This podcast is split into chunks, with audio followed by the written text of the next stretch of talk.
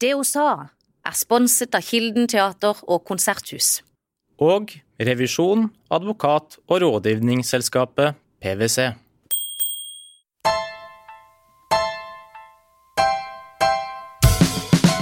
Erna Solberg, velkommen til det hun sa. Veldig hyggelig å være her. Sammen med meg her i studio så sitter Silje Dagsvik. Hei, hei. Og så er det jo meg, som er Birgitte Klekken. Erna Solberg, du har lang erfaring i å være leder, også i krisetider. Hva gjør du når ting snører seg til, når det er vanskelig, for å fremstå som en trygg leder? Jeg tenker at det viktigste man gjør, er å konsentrere seg om den oppgaven man har rett foran seg. Eh, å, og være i den situasjonen, og ikke tenke på alt annet. Blant annet, ikke tenke på hvordan du fremstår. Altså det er en av de tingene som er viktig, liksom å være sincer, altså til stede i det, i det, i, i det du er. Og så eh, har jo vi lært, eh, eller vi som satt i regjering, vi lærte jo en del gjennom noen kriser at det å være ærlig, det å eh, eh fortelle om usikkerhet, det er også viktig å gjøre. og Jeg tror det gir mer eh, trygghet til folk. At ikke du på en måte kan eh, altså er, er eplekjekk eller har en veldig sånn bombastisk holdning til alle ting. Det tror jeg er en ganske viktig bit. Jeg har jo først og fremst eh, eh, kanskje prøvd meg mest når det gjaldt pandemien. Jeg har jo flere andre saker før det, men, men i pandemien så tror jeg det var viktig fordi det var så mye ukjent territorium eh, å, å, forholde seg til. At det var viktig å være ærlig også om usikkerhet, men at eh, man gjorde sitt beste. Og folk eh, tror jeg tåler å høre at man ikke har alle svarene. Vi er jo nå midt i en dramatisk situasjon med Ukraina, der Putin dessverre spiller hovedrollen. Du har jo møtt han. Kan du klare å ta oss med inn i rommet i møte med en leder som han? Hvordan var det å møte Putin? Jeg har jo møtt han sånn kort flere ganger på internasjonale møter hvor du så vidt snakker liksom i gangen eh, eh, eller rundt et møte og hilser på, men jeg har jo hatt et lengre møte med han i St. Petersburg i 2019. Det har jo vært mindre kontakt i min tid med Russland på politisk nivå, rett og slett for det som skjedde i 2014. Eh, han virker veldig kalkulert. Eh, eh, litt sånn direkte. Eh, Uh, altså, russere er direkte. Det er ikke sånn massevis av høflighetsfraser og innledning, men han er veldig direkte. Uh, og så tror jeg du får den følelsen av at han veier veldig hva du sier. Altså sånn mer for å, mer for å vurdere deg enn det er for å uh, Kanskje bare selve saken. Men jeg, jeg, føler ikke at jeg har et stort grunnlag for å gi en vurdering av hvem Putin er, og hva han, hva han mener. Det, det har mine møter vært for overfladisk og for kortvarig til.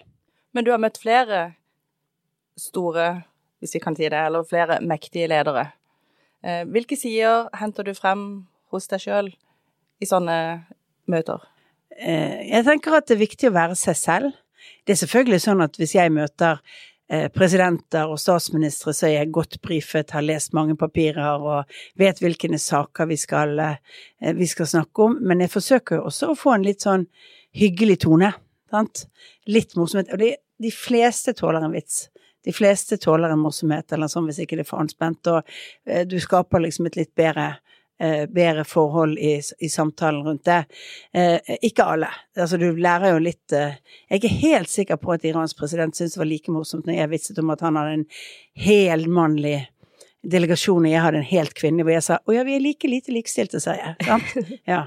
Når jeg neste år igjen traff han igjen på samme sa Da hadde jeg én mann med meg, så jeg er blitt litt bedre enn deg i år. Han, han, smilte og lo, men jeg er ikke helt sikker på om det var helt sånn at han, at han at han virkelig syntes at det var spesielt morsomt. Ja.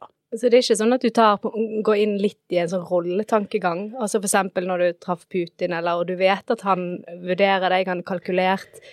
Går du inn i en rolle, eller? Jeg går ikke inn i en rolle, men jeg tenker jo mer på hva du sier, fordi du møter en person som eh, representerer Altså, som ikke har det samme verdisettet som du har med deg, som, som, hvis du møter en europeisk leder som er demokratisk valgt, som har på en måte helt annet forhold til liksom eh, politikk enn det kanskje de, eh, en representanter for mer autoritære systemer har. Eh, og men du passer jo kanskje på hva du sier. Akkurat det var jo en ganske vanskelig situasjon. For det, vi hadde jo Frode Berg-saken gående, og hans rettssak var ikke ferdig. Og norske journalister stilte sånn spørsmål, hev inn noen spørsmål de egentlig skulle ta bilder om Frode Berg, og dermed satt litt sånn stemning. Og jeg kunne jo ikke si noe om Frode Berg til Putin heller, for det, det var jo en rettssak som pågikk i Russland. Du, hvor mye skulle du ønske at du hadde hånda på rattet nå? Ja, altså dette er krevende for den regjeringen som sitter, og det har jeg lyst til å si. Det hadde vært krevende uansett hvem som, eh, som er der. Men det er selvfølgelig sånn at når du er politiker, så har du lyst til å gjøre de krevende jobbene. Eh, både gjennom pandemihåndteringen, energikrisen, og så, men også denne, denne situasjonen. Eh, nå er ikke jeg i tvil om at eh, Jonas Gahr Støre er godt rustet for dette, som har jobbet mye med utenrikspolitikk i mange år. Men han har jo jobbet med utenrikspolitikk på et tidspunkt hvor forholdet til Russland var veldig annerledes. Etter 2014 så forandret, eh, forandret, vårt forhold til Russland seg ganske fundamentalt etter annekteringen av Krim. For det var jo det første, eller egentlig det andre store varselet på forandringen, men det var nært oss. Og vi har hatt et annet forhold til Russland siden da. Men eh, du, jo, du var jo selvfølgelig statsminister i åtte år, som vi alle sammen vet. Og så er det jo egentlig ikke lenge siden du har på en måte endret rolle. Og det er jo spesielt med politikken, hvor man fra den ene dagen til den andre går over en ny rolle. Hvordan syns du den overgangen var? Um, jeg er, jeg er, bygget sånn at jeg ser alltid fremover. Jeg er ikke så veldig flink til å grunne på gamle ting eller annet, så jeg var nok begynt å planlegge for hvordan, hvilke saker vi skulle jobbe med i opposisjon og sånn. Så for meg er ikke den overgangen så veldig vanskelig. Kan irritere det litt over Jeg merket liksom når de var på toppmøte i Glasgow like etter at jeg hadde gått av og sånn, tenkte at det skulle gjerne vært liksom sånn, sånn. Men ellers så, så må du på en måte konsentrere deg om din rolle i politikken nå, som jeg i og for seg og, og som jeg alltid har ment også som statsminister, at Stortinget har en rolle i å styre Norge, ikke bare være en arena for politisk eh, konflikt og diskusjon og bryning mellom partiene, som jeg av og til føler at det har eh, blitt mer og mer av. Eh, Stortinget har en like stor ansvar i en krisesituasjon å være med på styringen av landet som en regjering har. Regjeringen skal utøve, men Stortinget skal også være med i det. Da er det veldig viktig forholdet mellom regjering og storting. Og da mener jo jeg at det er en fordel at jeg har den bakgrunnen jeg har, jeg, men i og for seg at jeg har ment det hele tiden. At eh, Stortinget eh, har et ansvar også for å, eh, som folkevalgte i en periode, selv om de er i opposisjon, uh, så har du en ansvar for fremtiden for Norge. Du har en ansvar for å bidra til at de gode løsningene blir til. Uh, opposisjon betyr ikke bare å være imot, det betyr faktisk også å være for å bidra til samarbeidet. Ta avgjørelser? Ta avgjørelser. Gi støtte til regjeringen, men også bli involvert når det er viktige, store beslutninger. Eh, utenrikspolitikk eksempel er et privilegium egentlig for en regjering i hovedsak, men det er klart når du er i en sånn krise som dette, så er det viktig at regjeringen har tett kontakt med, med Stortinget, at vi på en måte utveksler og gir sånn eh, at vi ikke skal konkurrere om liksom, hvilke tiltak vi skal gjennomføre, men det er viktig at man på en måte da eh, respekterer begge veier. Men hvilke hensyn må Støre nå, som statsminister, ta i den situasjonen vi er i nå? Han må ta hensyn til at vi står ved våre forpliktelser og våre idealer. Det er jo at vi har et ideal om, om at ethvert land skal kunne fatte sin selvbestemmelse. Og førstelinjeforsvaret for et land som Norge, det er folkeretten. Det er retten til hvert land til å fatte sine egne beslutninger. Og så er det jo alliansen vår med Nato og alt annet som beskytter oss, men for små land i verden så er det det at ikke større land kan bølle med oss, fordi vi har retten til vår egen selvbestemmelse. Det er et førstelinjeforsvar, for å si det sånn. Og det, det er det viktig at man står opp for, og at vi ikke bøyer unna fordi vi er nabo til eller har utfordringer. Men så må man ta hensyn til det faktum at vi er i en utsatt posisjon. Um, ikke for å bli okkupert eller med høyere trussel og sånn, men det er klart veldig mye av Russlands strategiske interesser eh, ligger i nordområdene tett til vår grense. Og det betyr at de vil operere hvis det blir en større, eh, større og, og, mer utfordrende. Vi ser mer av det den arbeidet. Og da er vår rolle egentlig også å passe på at vi er eh, Natos øyne og ører i nord. At vi følger med på hva som foregår. Men det er viktig at vi forsøker å ha lavest mulig eh, konfliktnivå i nord. Eh, og det er jo noe av det vi forsøker i samarbeid nå å, å sørge for. Selv om vi gjennomfører sanksjoner og annet, så skal ikke dette være en bilateral konflikt mellom Norge og Russland. Det er at vi stiller opp for Ukraina sammen med våre allierte.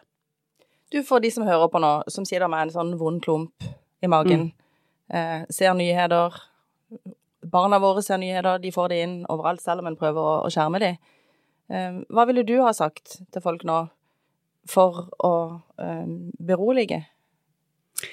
Altså, det er jo ingen trussel rettet mot Norge for øyeblikket, og det er, det ikke, eh, og det, det er de vurderingene som eh, våre sikkerhetsmyndigheter gir. Eh, samtidig så er det jo sånn at vi alle blir påvirket. Eh, det kan vi bli med både energipriser, vi kan få litt mangel og dyrere matvarepriser, en del andre ting som kommer til å skje.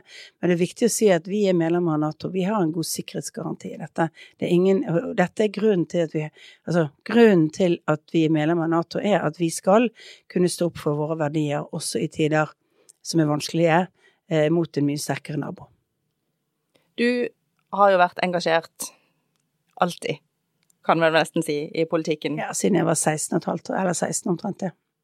Klarer du noen gang å logge av litt og bare være opptatt av helt sånn vanlige, trivielle ting Ja som å masse. rydde litt og male og Jeg er ganske flink til å logge av jeg, på, på de tingene, så vet jeg jo at jeg får beskjed hvis det er en krise. Og så må du ha folk rundt deg som du stoler på kan håndtere ting. Sant? Jeg har flinke folk i vår stortingsgruppe, eh, som for eksempel i disse dager, sant. Eh, Ine Marie eh, Eriksen sa det. Hun er jo, det er jo en fantastisk Altså sånn, du har gode folk med god trening, og så har du folk rundt igjen sånn, som gir det, og det gjør jo at det er lettere å koble av. At du ikke trenger å være en sånn enmannsshow. Vi har flinke folk på energipolitikk, vi har flinke folk på masse andre spørsmål som stortingsgruppen har, og vi har en arbeidsdeling. Så litt av min strategi nå er jo å ikke være den som skal være først ute og kommentere alt, for det er veldig mange av de som er neste generasjon i Høyre, har fremtredende roller, skal faktisk få lov å vise og blomstre. Så det er du ganske bevisst på? Ja, jeg er ganske bevisst på det at det er unødvendig at jeg skal gjøre det, og at i disse sakene så at de skal de på en måte i stor grad også ha førstelinjen. Er det en endring som har skjedd nå, eller har du vært det over tid? Bevisst på at lederrollen din kanskje rett og slett er i litt endring? Nei, det er nok litt en endring som lederrolle. Rett og slett altså, også fordi at nå kjenner folk meg. Altså, det er jo alltid sånn at når du begynner som partileder, så må du være masse frempå fordi folk skal kjenne deg, bli kjent med deg, vite om og ta alle de gode sakene fra de andre som har laget det, sant, og være de. Det skjer, ser jeg med alle, alle partiledere som kommer liksom inn i posisjon, så skal de fronte alle sakene til partiet, særlig alle godsakene.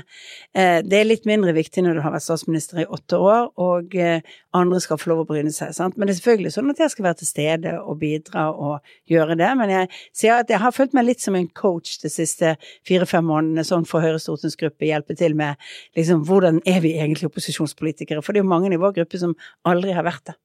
Men hvilke tilbakemeldinger får du fra dine folk rundt deg på din lederstil? Eh, Stort sett så får jeg en god tilbakemelding på interessen og annet, og så syns de kanskje at de kan få mer tilbakemelding på sånn, ja, litt sånn klapp på eh, klapp-emojien etter en TV-opptreden, eller, eh, eller sånn tilbakemeldinger i den typen ting. Eh, og det merker jo jeg en veldig for, altså forskjell på fra når jeg var ny politiker, og det eh, behovet for tilbakemelding folk har i dag. For det var liksom ikke på samme måte når jeg begynte. Sant? Du var glad når folk sa at det var noe hyggelig og sånt, men det var ikke sånn eh, Så jeg tenker jeg jobber veldig mye å forbedre meg på å sende emojis og sende hyggelige hilsener og sånt når folk har vært med uh, i debatter og annet. For jeg tenker at de, ja, føler kanskje på det selv at det har eh, vært godt, men det er fint å få en bekreftelse.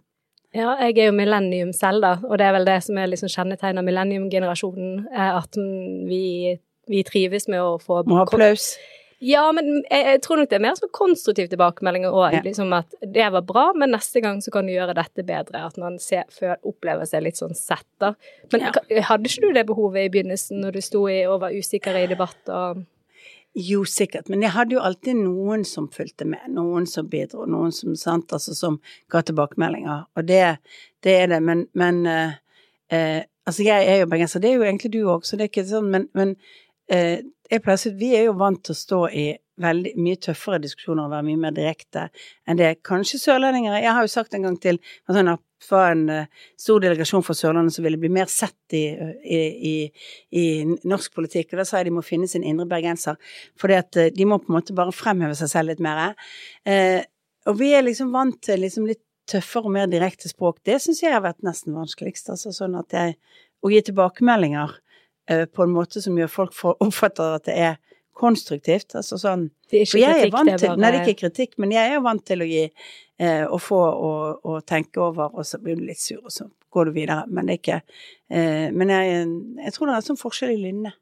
Mm. Men uh, den eh, episoden der har jo uh, Federlandsvennen skrevet om, og vi, vi, har snakket om det internt i redaksjonen også. Um, så når du først nevner det selv, så har jeg lyst til å spørre deg litt om, uh, om Agder og ditt inntrykk. Uh, har, har, Agder blitt flinkere til å, til å fremheve seg selv og de tingene som er bra?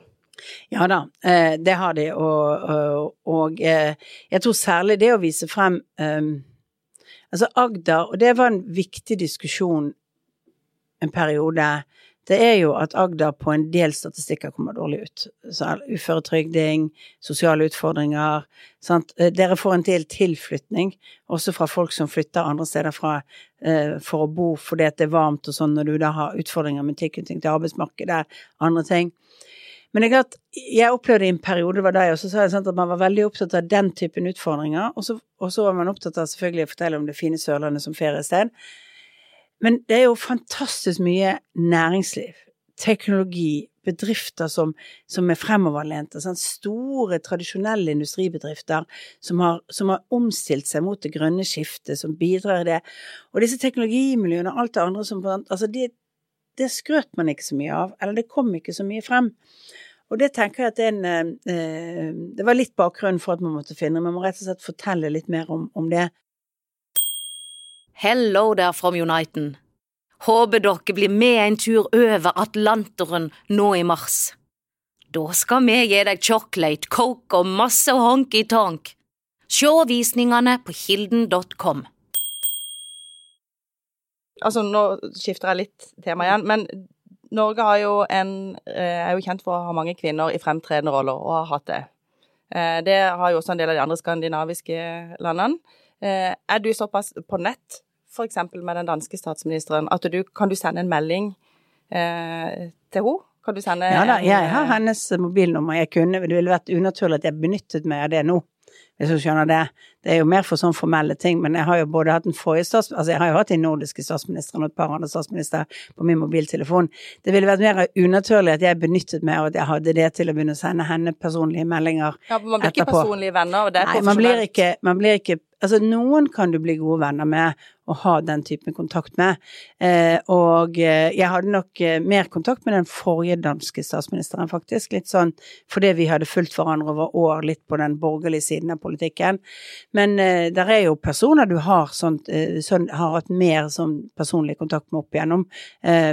Og det har kanskje fulgt litt partilinjene sånn. For de har du kanskje både i opposisjon og posisjon hatt liksom litt kontakt med og snakket med og kunne sende hilsener og sånn. Den tidligere finske statsministeren for eksempel har jo sendt meg mange hilsener eh, i løpet av den eh, i løpet av min tid som statsminister, men også etterpå. Altså sånn, det er noen du treffer den bølgen med, men jeg vil jo kanskje si at det er det følger kanskje en veldig lang bit for partiene våre, hvor vi har hatt kontakt, og hvor vi jobber liksom, på den borgerlige siden i europeisk politikk, f.eks.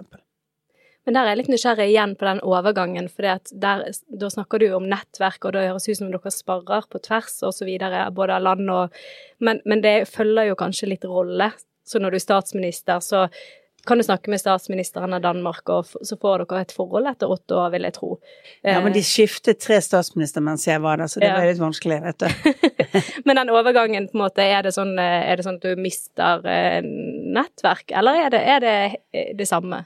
Altså, det er jo Når du sitter i en statsministerrolle, så har du en profesjonell kontakt med de andre, og så er det noen av de du har bedre kontakt med. Og jeg, som jeg sier, det, er jo litt, det går litt på partilinjen, faktisk. Og det har å gjøre med at det er kanskje folk du har hatt kontakt med over mange år, vært når vi har vært i opposisjon. Og det er klart, jeg har sparet med eh, svenske opposisjonsledere når jeg har sittet i regjering, så har jeg liksom, de har spurt liksom hvordan vil dere taklet det? Sant? Jeg hadde et veldig godt forhold til den forrige moderaterlederen, eh, Anna Batra Kinsberg. Hun var veldig Eh, altså hun, hun, søkte mye råd og sånn, for hun var den første kvinnelige moderaterlederen, sant, og som hadde behov for å, å, kanskje høre litt hvordan vi håndterte. Og i noen saker, sant, som hvor langt skal vi løpe i kritikken av, av vår egen regjering, basert på at eh, vi kanskje gjorde det samme som den regjeringen og sånn, så det blir litt på personlig, men det er også hvem du klikker med, sant, og, og, og eh, eh, det er ikke så mye small talk på alle disse, ja.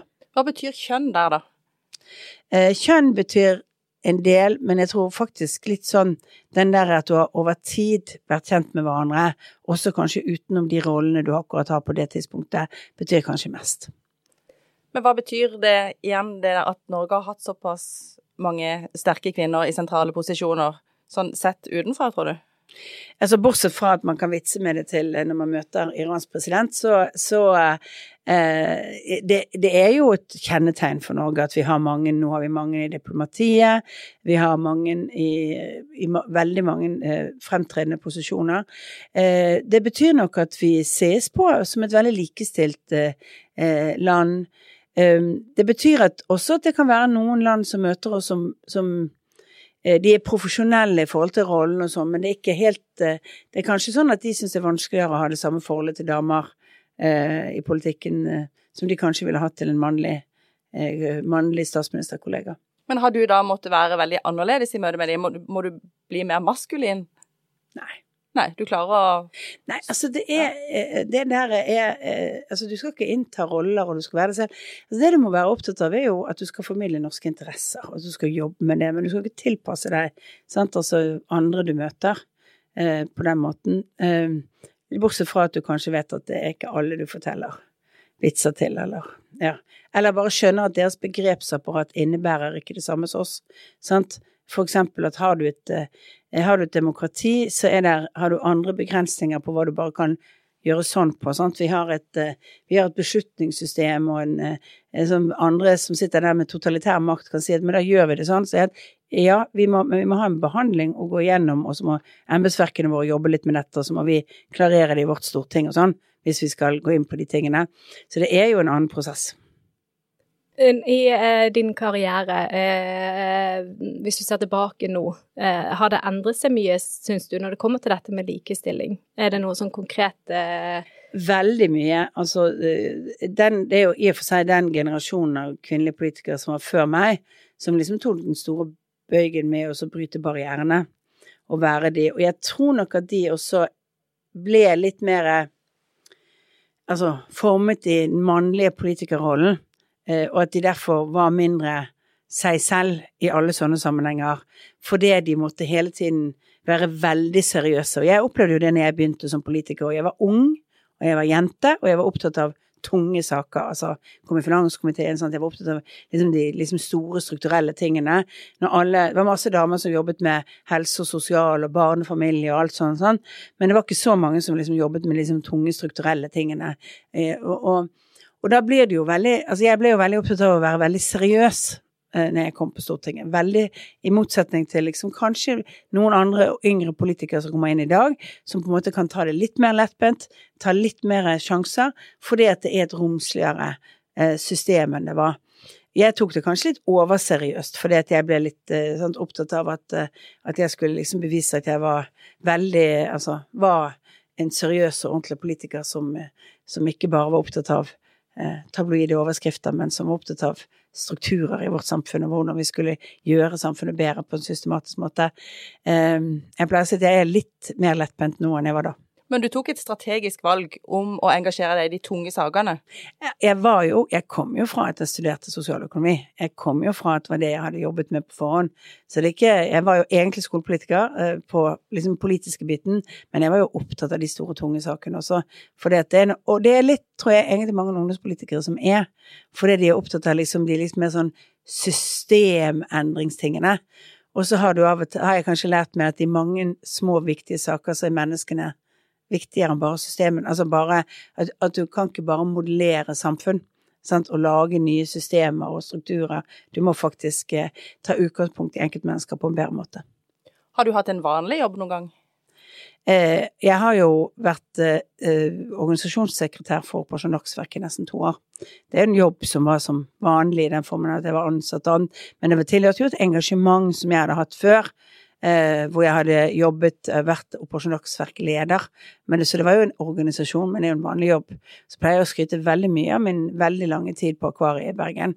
Det ble jo over to år når man la sammen alle mine eh, sommerjobber der. Ja. Men blir du statsminister igjen, hva, er, hva kjenner du nå er uoppgjort, og som du har et liksom brennende engasjement for at det må jeg ta tak i? Men det er jo veldig viktig å tenke at er du konservativ politiker, så er du aldri ferdig med jobben. Altså Det er jo noe av det viktigste med oss. altså? Det er jo å forbedre samfunnet kontinuerlig. Og nettopp disse tingene som jeg snakker om, hvordan inkluderer vi flere i arbeidslivet, som har vært et mantra fra jeg ble statsminister og var før, det er også at det er eh, veldig stort behov for at flere Eh, får muligheten til å bruke kreftene sine i arbeidslivet. Eh, og at vi har for mange som står utenfor, eh, som hadde ønsket å gjøre det, men, vi, men som av og til, fordi vi er for dårlige på å hente de opp tidlig nok, havner utenfor fordi de blir syke av hele den opplevelsen av å ikke bli brukt. Altså mestring er helt grunnleggende for mennesker. Det å oppleve anerkjennelse av at du gjør en jobb, at noen trenger deg, alt mulig sånt. Det er noe styggeste vi gjør mot folk. Det forteller de i ung alder, for eksempel, at deg har vi egentlig ikke bruk for, for du passer ikke inn. sant? Og det, de tingene blir du jo ikke ferdig med. Sant? Så jeg bare sitter, det er jo viktig for konservative politikere. Det er veien god. Norge kan alltid bli bedre, og vi skal bidra til at det gjør det. Du har snakket flere ganger om den mestringsfølelsen og viktigheten av det. Hva er det som gir deg mest eh, mestringsfølelse? Det kan være små og store ting. Det kan være at jeg endelig blir ferdig med et prosjekt som jeg burde blitt ferdig med. For eksempel har jeg noen genser jeg begynte på for to år siden som jeg moret med. over. sånn, kanskje jeg blir ferdig med den, vil jeg sikkert føle mestringsfølelse. Jeg er ganske god på strikking for 30 år siden, men jeg har liksom ikke holdt det veldig godt med like. Uh, og Eh, det å prioritere, men det er også en god debatt. Det er å sørge for et godt politikk, holde en god tale. Masse sånne ting som gir mestringsfølelse. Ja. For, eh, ja Om det er å gå en fjelltur du ikke trodde du klarte. Ja. Du, da du Eller den overgangen fra å være statsminister til å ikke være det, var det sånn at du gikk på jobb siste dagen, ble kjørt hjem med sjåfør, hadde livvakter, og så takka du av, og så sto du opp neste dag, og så var du.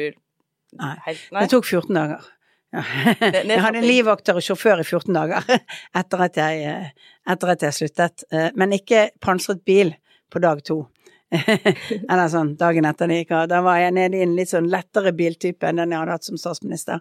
Men eh, jeg ble jo fortsatt kjørt og hadde det. Det var 14 dager. Så brukte jeg jo mesteparten av tiden på å flytte. Sant? Altså det er et enormt Eh, en ting var liksom å få i gang stortingsgruppen, komme i gang med jobben og sånn. Men vet du, altså jeg har jo bodd åtte år i et hus.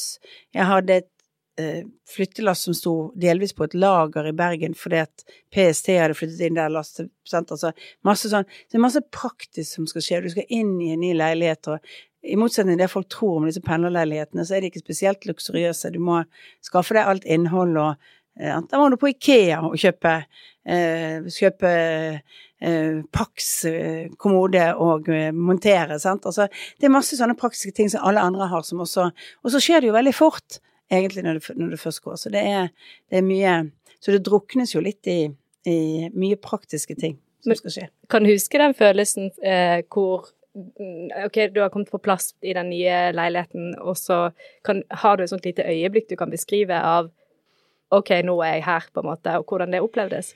Du vet at Jeg var jo ikke der for det første. sant, altså jeg, for Rett før jul så fikk jeg liksom noen kommoder og noen skap som jeg trengte, og sånn, sant, levert på døren og sånt. og Det er først da jeg begynte å føle For i begynnelsen så gikk vi jo i plastbokser som sto, for vi hadde ikke plass til tingene i det. For det er litt sparsomt møblert og eh, ikke, iallfall ikke beregnet til noen som har eh, bodd lenge.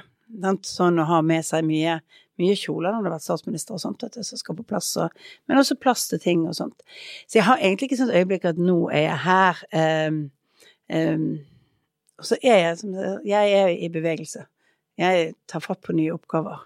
Jeg sitter ikke så mye og grubler på ting sånn. Men er du da eh, en person som er god til å fullføre ting, eller er du den som starter ting, og så på en måte går du videre til neste eh, prosjekt? Eh, jeg er ganske god til å starte ting, og så er jeg god til å delegere det. Mm fullføringen av det. Den delegeringen, er det noe du har lært deg å bli god på, eller har du alltid vært litt god på det? Eh, det er, nei, jeg har lært det gjennom tidsnødvendigheten. Fordi at jeg er litt Jeg sier egentlig at jeg kan håndtere det meste, men så merker jeg at tiden ikke strekker til. Ja. Du, du nevnte det med at du var på Ikea rett etter at du bytta rolle. Eh, jeg følger deg på Instagram og ser jo at du legger ut en god blanding egentlig av de helt hverdagslige tingene og de mer seriøse. Bruker du rådgivere til det, eller legger du det du sjøl føler for? Eh, på Instagram så legger jeg ut på, på, det jeg føler for selv, alt mulig sånn. På Facebook bruker vi jo den biten litt mer til også å orientere. Altså en ting er det jeg selv har lyst til å legge ut og sånn, men vi bruker jo det til å vise litt frem Høyres politikk og ja, lage plan for det og sånn. Men eh, det er faktisk ingen andre enn meg som har Ja, det er vel kanskje én person som har adgang til å kunne legge ut eh, på min Instagram, men det er stort sett bare meg som legger ut. Du brukte den muligheten både på, på Facebook og Instagram nå, for å snakke om en reise du akkurat var på. Så nå er vi egentlig litt over på det alvorlige igjen, sånn i, mm. i avrundingen her. Um, vil du si litt om hva dere snakka om, og hva slags reise var det du var på? Altså Utenrikskomiteen var jo på reise til, til, eh, Washington og New York, og det var planlagt som en reise for at vi skulle knytte kontakter, det er ny utenrikskomité, vi skulle høre litt på hvordan vurderingene var både av amerikansk politikk, men internasjonal politikk, eh, i Washington og i FN, selvfølgelig, systemene. Det ble jo en veldig spesiell tur, eh, fordi at alt, veldig mye av møtene våre dreide seg om hva tror vi skjer i Ukraina når vi var i Washington, og hvilke analyser, hvilken stormaktspolitikk. Og det er ganske spennende, syns jeg.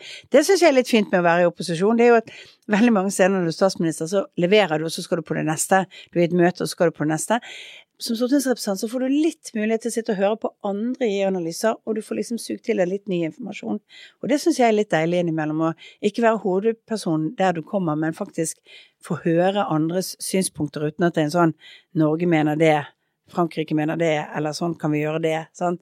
Så sånn måte så er det en Og det var fint med den turen, men når vi kom eh, Vi reiste da opp til, til New York med toget, og når vi kom så var vi på middag hos eh, norske generalkonsulen, og skulle jo være i FN-dagen etterpå.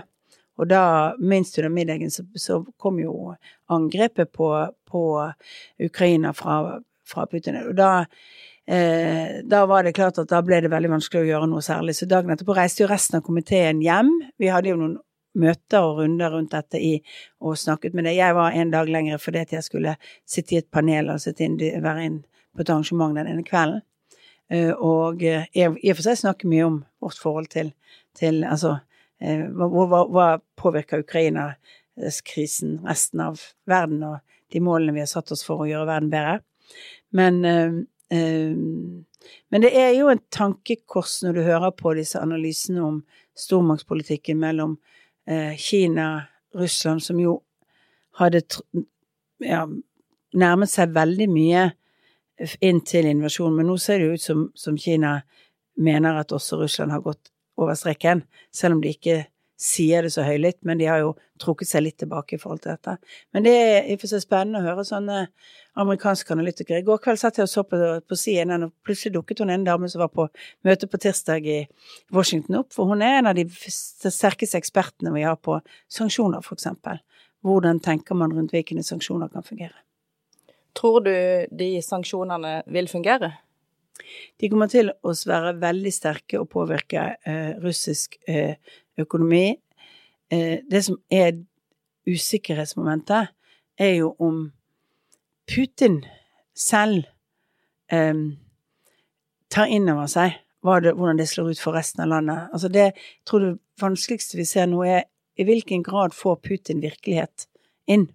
Og i hvilken grad får han på en måte informasjon som man ikke liker å høre, om hva som faktisk skjer, hvor dårlig det egentlig går for Russland i, i, inn i Ukraina, hvor mye vanske, større vanskeligheter de har, engasjementet som er de store, og hvordan dette slår ut. Og, og det er ingen av oss som altså, det, det, Jeg tror det er ingen som har en klar kunnskap om liksom, hvilke knapper må trykkes på for at Putin gjør endringer. For eh, han har vært en mann som har isolert seg ganske mye de siste to årene. Bør Norge nå åpne grensene for flyktninger fra Ukraina? Vi må ta vår eh, andel og, og, og av flyktninger, og jeg mener vi bør ha en felles, eh, felles løsning med resten av Europa på å både hjelpe de i de nærmeste områdene. Altså, skjer dette raskt, er det en eh, blir det en langvarig krig, så er det viktig å flytte på og gi dem mulighet. Og så må vi avlaste nabolandene, ingen tvil om det. Eh, men ethvert håp er jo at kunne, at de flyktningene som nå har flyktet ut, skal kunne komme tilbake igjen i et Ukraina eh, ganske raskt. Eh, så, men, men vi, har, vi, skal ta vår del av, eh, og det må vi gjøre av, av eh, den europeiske byrdebelastningen til dette. Avgjørelsene skjer jo veldig fort, virker det som nå. Eh, nå har Norge kommet og sagt at eh, vi skal hjelpe Ukraina med eh, ammunisjon. har koronapandemien gjort noe med, eh, med beslutningstagningen? Ja, altså vi har jo under koronapandemien lært oss å beslutte ting veldig, veldig mye raskere. Lovarbeid i Stortinget kan skje mye raskere. Alt det som før ble oppfattet som vanskelig og tungt grevende og vanskelig å gjøre, eh, kan skje mye, mye raskere. Så det, det er vi blitt mye eh, bedre på. Så er, det, så er det masse bra med vår ordinære måte å gjøre ting på i Norge. Fordi at det gir mye eh, vurderinger av eh, altså konsekvenser, vi vet bedre hva vi tar stilling til. Altså, vi sier mye om den prosessen vi har i Norge, men den er ganske krevende og lang, tar lang tid. Og eh, i den situasjonen vi er nå, så må vi fatte raske beslutninger. Og da er det eh, det er ikke tid til eh, å på den ene og på den andre siden og på den tredje siden og, og konsekvensanalyser. Vi må faktisk eh, må ha en ledelse som også tør å følge magerefleksen sin og snakke med resten av det politiske Norge om å gjøre det.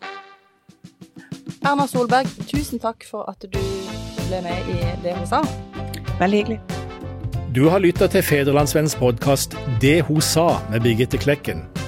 Har du tips til andre bra damer vi bør snakke med, eller har du lyst til å dele inspirerende erfaringer fra ditt arbeidsliv? Ta kontakt på dethosa1fun.no.